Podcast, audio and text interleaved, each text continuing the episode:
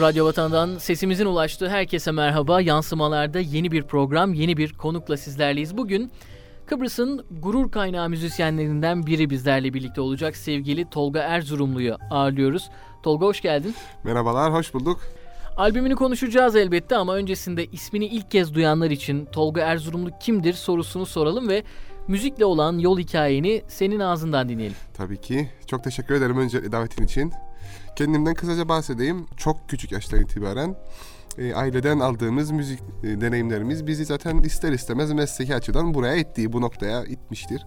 Peki nasıl başladık? İlk olarak evde oyuncak kıvamında başladık. Yani klavyemiz, her şeyimiz hazırdı zaten. Dolayısıyla e, ilk olarak oyun kıvamında ardından ise işte Doğu Akdeniz Üniversitesi'ne kadar bir işte ortaokul lise sürecinde gerek lisedeki öğretmenlerimiz gerek ortamımız e, bir şekilde bizi bu e, alana itti. Ardından profesyonel davranmamız gerektiğini fark ettik. İşte eğitimini almamız gerektiğini fark ettik. Doğu Akdeniz Üniversitesi'ne giriş yaptım. Orada e, birincilikle giriş yaptım. Ardından 4 senelik bir eğitim aldım. Bu arada burs alıp Paris'e gittiğim bir dönem vardı. Orada da caz eğitimimi işte bayağı böyle bir yelpazemi genişlettim. Çünkü e, Avrupa vizyonu çok önemliydi. Oradan işte bir şeyler kapıp ülkeme geri döndüm. Ve çok uzun değil. Albümün aslında gerçekleşme sürecine gelmek istiyorum. Yani beni müzisyen olarak en çok tatmin edecek şey albüm yapmaktı. Dolayısıyla bu şu anki süreç aslında benim gelmek istediğim bir noktaydı yani. O süreçten bugüne gelmek benim için çok önemliydi. E, albümün serüvenini anlattım aslında ama benim kişisel yaşamım beni bu noktaya getirdi. Dolayısıyla biraz size açıklamak istedim bu konuyu müzik adına yurt içinde olduğu gibi yurt dışında da etkileşimde bulunma şansına sahip olduğunu söyledin. Seni etkileyen isimler kimlerdi?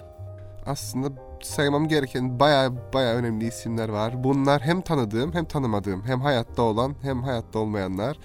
Mesela ilk başa dönersek beni klasik müzikle tanıştıran Bach, Beethoven, Mozart'lar. İşte bunların ardından işte 20. yüzyıla damgasını vuranlar George Gershwin, ne bileyim Miles Davis işte ardından şu anki modern müzikten, popüler müzikten etkilendiğim gruplar olsun. Gerekse Coldplay olabilir ne bileyim. İşte şu an dinlediğim bir takım müzisyeni bunların hepsini bir, bir bir, bir alana toplamak istiyorum. Sebebi de şu iyi müzik kötü müzik anlamında konuşuyorum. Çünkü bunlar tamamen zevk veren iyisi kötüsü artık tercihe kalmış. O bile artık günümüzde tartışılmayacak kadar hassas. Yani kendime çok çok örnek aldığım etrafımda hayatta benimle birlikte yürüyen işte Cahit Kutrafalı, Erkan Erzurumlu, ailemden bahsetmiştim. Dediğim gibi babam Turgay Erzurumlu, amcam Engin Erzurumlu, kardeşim Ersan Erzurumlu. Ve daha çok çalıştığım birçok müzisyen. Bunlar zaten albümde az çok görebileceğimiz isimler. Yani çok keyifli. Feyz aldığım birçok insan var, birçok müzisyen var. Saymakla bitmiyor. Fingerprints diyelim. Hı hı. Albümünü konuşalım. Dördü sana ait yedi parçanın bulunduğu bir albüm var e, önümüzde.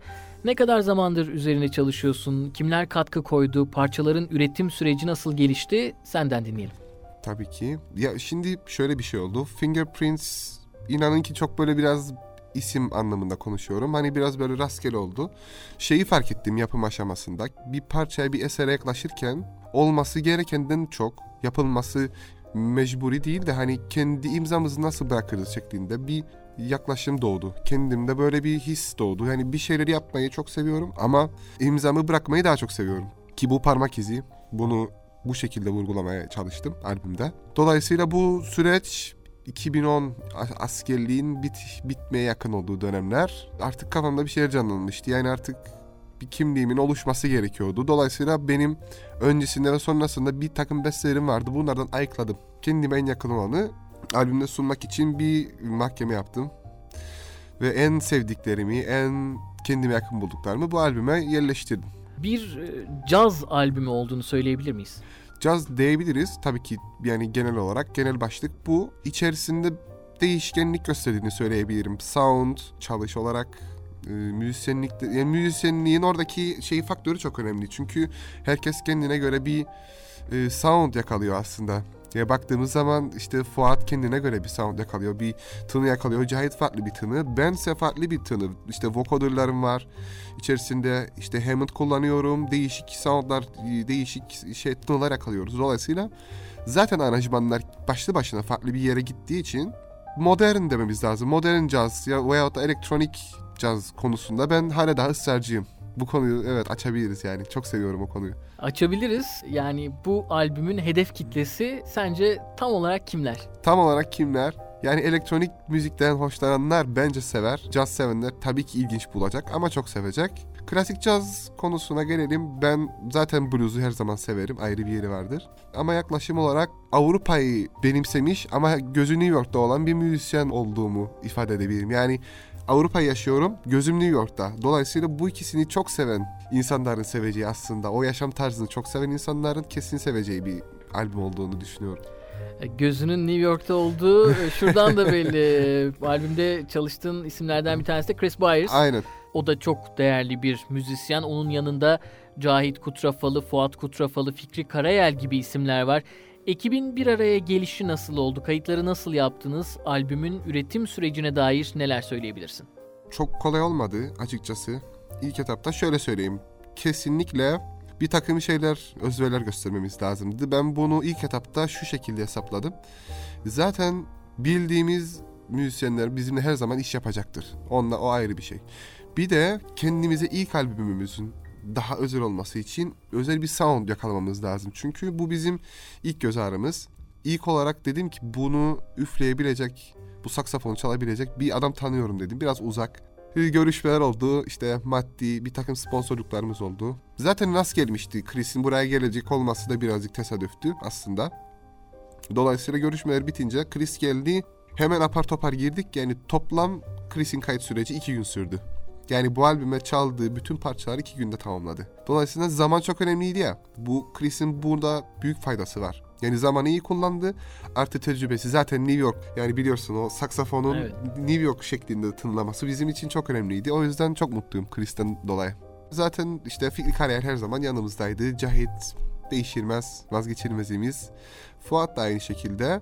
Davulcumuz Stelios. Kendisi Limassol'da yaşıyor. Yalnız sürekli bizimle birlikte. O da böyle hani ne yapsak, ne çalsak, ne zaman bu buluşsak kafasında bir adam. İnanılmaz yetenekli. Ee, o da iki günde provalarımızı falan tamamlayıp biz albümü çok kısa sürede bitirmiş bir adam. Albümdeki en can alıcı adamlardan biri o da.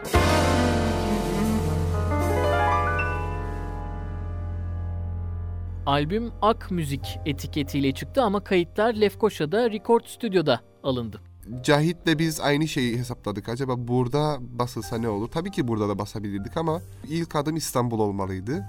Bu ortaklığın İstanbul ayağının albüme yansıması nasıl oldu? Profesyonel bir marketing yapıldı mı? Şu an tüm DNR'larda ve e, İstanbul'da belli noktalarda işte Lale Plak, e, Mephisto, Ada gibi kitap CD satan noktalarda bulma şansımız var. O zaman yeri gelmişken Kıbrıslı müzik severlere de albümü nerelerden satın alabileceklerini söyleyelim. Ee, şu an için Mausa'da e, Demolay barda mevcut. Lefkoşa'da daha çok satış noktamız var. Hamburg, Loud Music, Gospel Cafe. Yakında Geto'ya veriyorum. BFB Computer, Vita kliniğinde mevcut şu an için Lefkoşa'da bunlar. Girne'de ise Yüksel Şoför Okulu ve Books kitapçıda bulma şansınız var. Online satışlar da biliyorsun hayatımızın bir vazgeçilmezi artık. Bu konuda bir çalışma yaptınız mı? Şu an iTunes'da mevcut. iTunes'dan gidip satın alabiliyoruz. Onun dışında bir takım işte live streaming e, sitelerinde de mevcut. Yalnız bunlar hep örnek yani sample dediğimiz. Yani çok fazla gidip girip de böyle dinleyebileceğimiz değil. O yüzden satın almayı her zaman için ön planda tutuyoruz. Albüm harici ve albümle ilgili çalışmalar nerelerde devam ediyor? Kısa ve uzun vadede planlar, projeler var mı? Albümün mutlaka bir lansman süreci olacaktır. Bu konuda ne gibi çalışmalar planladın? Lansmanımız yakında muhtemelen Ocak sonu artık Şubat gibi diye düşünüyoruz. Çünkü bunun bir şey var. Albümün satılmasına paralel olarak insanların müziği de sevmesini bekliyoruz ki seveceklerine inanıyorum. Dolayısıyla konsere gelen insanların artık doymuşluğundan yola çıkarak lansmanın hazır olması gerekiyor. Yani artık Şubat mıdır? Şubat diye düşünüyoruz da e, satışlara göre artık hareket ediyoruz. Lansmanı o şekilde yap- yapmayı planlıyoruz. Yani hemen çıkıp bam diye çaldığımız zaman insanlar hani biz daha sindirmedik moduna girmesin de işte hazır olsun. O süreçten kısa bir süre sonra da konser yapmayı planlıyoruz. Yolunda giderse tabii. Yani Şubat gibi. Bunun da zaten haberini bir şekilde sosyal medyadan ve gazetelerden insanlara duyuru yapacağız. Bu noktada bir parantezde Buray Hoş sözü açmamız gerek. O da ilk albümüyle Türkiye'de büyük ses getirdi. Sen de onun ekibindesin. Bir ayağın İstanbul'da. Zaman planlamasını nasıl yapıyorsun? Burayla çalışmalar nasıl gidiyor? İnan ki çok zor bir süreç. Şu an için tabii ki çok memnunum. Çünkü hem yıllardır çalıştığım bir müzisyendi Buray. Yıllarca tanıdığım bir arkadaşımdı. Çok sevindim onun adına her zaman destek olmak için de yanında oldum. Ee, oradaki işte Türkiye konserleri, turneler vesaire onlar zaten devam ediyordu. Şu an için benim kendime biraz daha özveri gere- vermem gerektiğine inanıyorum. Yani tabii ki şu an için aktif olarak zaten çalıştığım müzisyenler de var. Korhan da buna dahil. E, etrafımdaki birçok müzisyen de tabii ki bunlar devam edecektir ama kendimi de biraz artık ön plana çıkartma zamanı geldi diye düşünüyorum. Dolayısıyla bazı şeyleri biraz kendime daha çok önem vermeyi hesaplıyorum artık bu dönemden sonra. Dolayısıyla aktif olarak müzisyenim devam ediyor. Ama bunun dışında kendime önem vermeyi artık birazcık daha gerekli buluyorum. Bu albümü de hesaba katarsak. Dolayısıyla bunun yanında ben de bir Türkiye konserinden bilgi vereyim sizlere. Şubat'ın 10'unda Nardis'te İstanbul'da sahne alıyoruz. Bu benim kendi konserim olacak. Nardis Jazz Bar'da. Ondan bir gün sonra 11 Şubat'ta ise Cahit'in konseri var. Yine ben piyano ile eşlik ediyorum. Dolayısıyla iki gün arka arkaya İstanbul dinleyicilerimiz eğer mevcutsa onlara da ulaşmaya çalışıyoruz. 10 Şubat ve 11 Şubat'ta 10 Şubat 11 Şubat. O tarihlerde İstanbul'da olacak müzikseverler için iki güzel etkinlik biz de buradan duyurmuş olalım ve yeni bir konuya geçelim. Kıbrıs'ta müzik diyelim. Çetrefilli bir konu. Cefasını çekenlerden biri olarak neler söyleyebilirsin sektör adına? Şimdi biz duygusal insanlarız bu bir. Yani Kıbrıs insanı duygusal. Dolayısıyla bir birazcık gerçekçiliğimizi unutuyoruz. Yani olmamız gereken noktayı ya da çalışırken disiplinin boyutunu belki kaçırabiliyoruz. Yani herkes e, ahbap gönül hatır işini bir kenara bırakmak zorunda bir dönemden sonra. Sebebi de artık profesyonel olmak için. Kırmak değil bu. Yani kendimize olan verdiğimiz değer birincisi bu. ikincisi mesleğimize verdiğimiz değer. Yani tercihler her zaman için açık olmalı. Yani ben kendime seçtiğim müzisyen her zaman yurt içinden olmak zorunda değil. Tabii ki vardır. Yurt dışından da seçiyorumdur. Yani bunun sebebi e, yurt dışında gözüm olduğu için değil. Kendi insanımı daha çok yurt dışına layık gördüğüm için. Bir New York artık ulaşılmaz değildir. Bir Avrupa ulaşılmaz değildir. Bir uçağa binip gidebiliyorsunuz. Dolayısıyla bir ürün, herhangi bir yeteneğimiz bunu sunabileceğimiz şartlar KKTC dahilinde değildir. Yani internetimiz var, sosyal medyamız var, artık ulaşım çok kolay. KKTC'nin e, eski klişe sözüne artık katılmıyorum. İşte yani işte bildiğimiz ülke, bildiğimiz KKTC artık bildiğimiz KKTC değil. Yani birçok sektör gelişmeye başladı. Kendi açımdan konuşuyorum yani müzik açısından da. İnternetten bir şey paylaştığınız zaman hemen burada takipçiler olabiliyor, çoğalabiliyor vesaire. Ama hiç fark etmez. Artık ben çok ilginç şeyler yaşadım. Mausa'da bir terzi böyle hani diken böyle ürünler kendine ait ürünler satan bir abimiz klavyeme klavye şey eskimişti. E, kılıf eskidi. Yeni bir kılıf diktirmek için. Gittim. Adam dedi ki çok yoğunum. Tamam dedim. Bir de klavye yanında şeyim var dedim. E, sehpam var. Bunun dedim kılıfından bulamıyorum. Diker misiniz? Adam bir baktı. Ben sana açıklamaya markaya geldi. Depoya bir gittim ki adamın benim olabileceğini düşünmediğim klavye ayak, klavye sehpamın kılıfını dikmeyi bırakın Avrupa'ya satıyormuş. Arkadaki açtığı depoda yüzlerce klavye kılıfı yüzlerce sehpa kılıfı. Yani biz düşünmediğimiz ve aslında ülkede olabilecek muhteşem cevherler var. Yani biraz görmemiz gerekiyor bence artık hem kendi yeteneğimizi hem de sınırlarımızı diye düşünüyorum. Yansımalarda Tolga Erzurumlu ile sohbetimiz devam ediyor. Tolga çalışıp başarılı bir müzisyen oldun. İlk albümün piyasada. Sırada neler var diyelim. Hedeflerinden bahset bize net olarak bir hedef söyleyemiyorum size. Sebebi de şu. Gittiğim yolda kendimi edindiğim özellikler ve bilgiler zaten benim olabileceğim noktayı göstereceği için gittiğim yoldaki yaşantım daha önemli. Yani bir hedef koyup oraya gitmek yerine yolda giderken edindiklerimi daha çok önemsiyorum. Dolayısıyla net bir hedef söylemiyorum. Tabii ki yurt dışında işte güzel sahneler var yurt dışı Avrupa'da işte North Sea olabilir işte ne bileyim işte Newport Jazz Festivali bir sürü bir sürü festivaller. Bunların hepsinde çalmak istiyorum. Çünkü zaten tarzım dolayısıyla çalabileceğim yerler kısıtlı.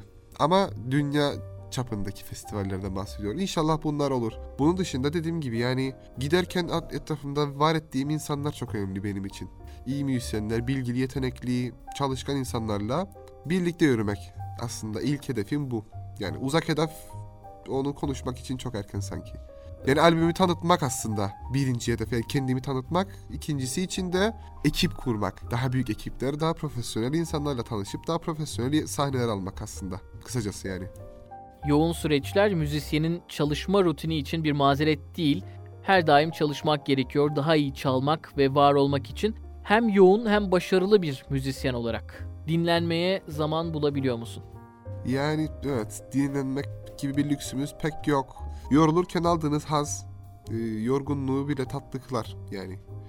Dolayısıyla kendime yaptığım işlerden haz aldığım her süreç benim için yorgunluktan öte bir keyif durumu. Yani eve başınızı koyduğunuz zaman ne güzel yoruldum ya da ne güzel işler üretmeye başladım dediğimiz an zaten artık dinlenmek bile fazla gelebiliyor. Yani fazla geliyor bazen dinlenmek çok sıkıcı geliyor. Yani keyif aldığımız işlere yoğunlaşmak kesinlikle yorgun, yorgunlukla ilgili bir şey hatırlatmıyor. Yeniden albüme dönecek olursak 7 adet parça var. Hepsinin bir hikayesi olabilir belki ama senin için en özel olanlar hangileri? Ya evet.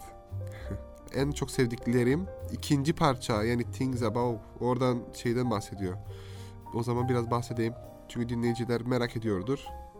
Yukarıdakiler yani Things Above yani yukarıdaki şeylerden bahsediyoruz. Bunlar bizim bazen görmeyip de inandığımız şeyler. Yani işte ailemizden birini hatırlatan bir şeyler.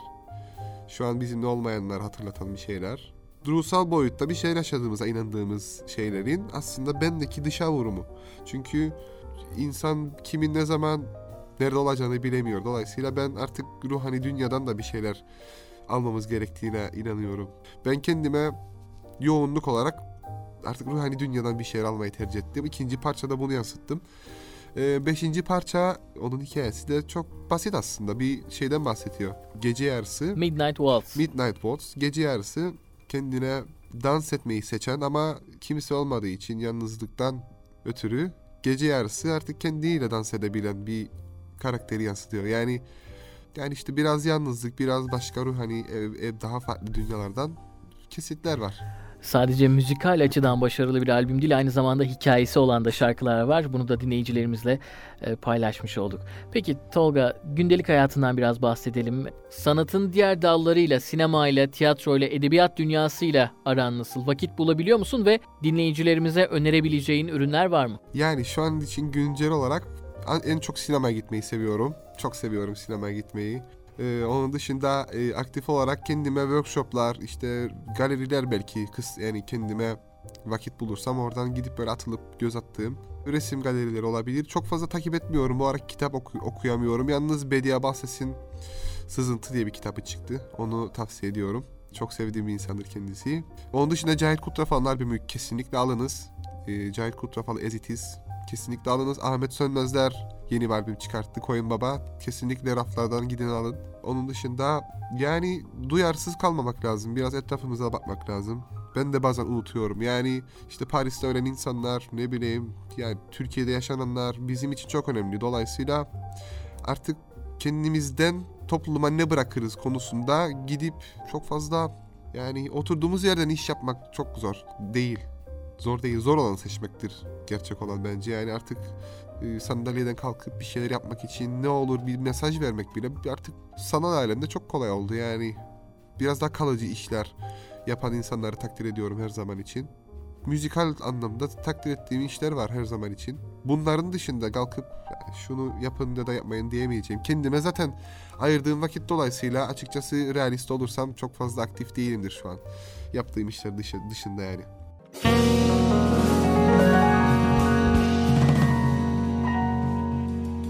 Tolga yavaş yavaş programın da sonlarına yaklaşıyoruz. Bizi dinleyen genç müzisyen arkadaşlarımıza e, deneyimli bir abileri olarak, deneyimli bir meslektaşları olarak e, neler söylemek istersin, tavsiye etmek istersin? Son söz sende. Peki. Öncelikle size çok teşekkür ediyorum. Kardeşim. Biz teşekkür ederiz. Bu, Senin gibi değerli bir müzisyeni stüdyomuzda ağırlamak bizim için bir şeref. Çok teşekkürler, çok keyifliydi.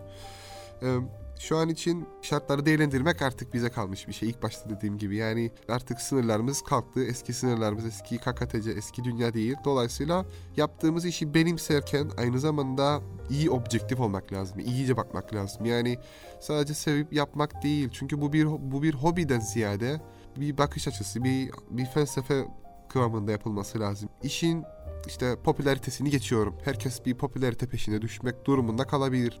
Ben açıkçası değilim. Ben popüler tarafında değilim. Popüler tarafında olmanın verdiği zararların farkındayım. Çünkü öncelikle yaptığımız işin gideceği nokta bize getirilerini hesapladığımız zaman hayallerimizin ötesinde olması lazım. Yani bir makama, bir mevkiye, bir ergen olarak bize getirisinden çok toplumsal ve bireysel olarak gidebileceğimiz sınırları göstermesi lazım müziğin yahut da bir albümün, bir bestenin, bir fikrin, bir duruşun. Dolayısıyla takdiri önce kendimizden sonra etrafımızdan beklememiz lazım. Yani yapılan işi kesinlikle bu yönde yaparsak eminim toplumsal olarak çok iyi noktalara geleceğimizden eminim. Yeni bir yıla girdik. 2016 yılının ilk programlarını yapıyoruz. Senden de 2016 mesajını alalım. Top, tüfek, silah sesleri gelmesin. Barış diliyorum bütün her, herkes tüm dünyadan birinci birinci. İkincisi sevgi, saygı, mutluluğu artık e, yaşama zamanı diye düşünüyorum. Çünkü herkes daha bir bilinçlendi. 2016'da artık bence akıllanırız, ders alırız diye düşünüyorum. Güzel bir yıl olsun herkes için. Kıbrıs'ın değerli müzik adamlarından biri konuğumuz oldu. Tolga Erzurumlu'yu ağırladık. Kıbrıs Türkü adına gurur kaynağı işlere imza atıyor Tolga. Projelerine, hayatına ve albümü Fingerprints'e dair keyifli bir sohbet oldu. Albüm detaylarına Facebook üzerinden Tolga Erzurumlu fanpage, Instagram üzerinden Tolga Erzurumlu sayfalarını takip ederek ulaşabilirsiniz. Caz severleri mutlu edecek bu albüme iTunes üzerinden de ulaşabilecek müzikseverler. Kırmayıp geldin Tolgacığım. Çok teşekkür ediyorum. Çok sağ ol. Yansımalarda haftaya yeni bir konukla yeniden birlikte olmak dileğiyle. Hoşçakalın.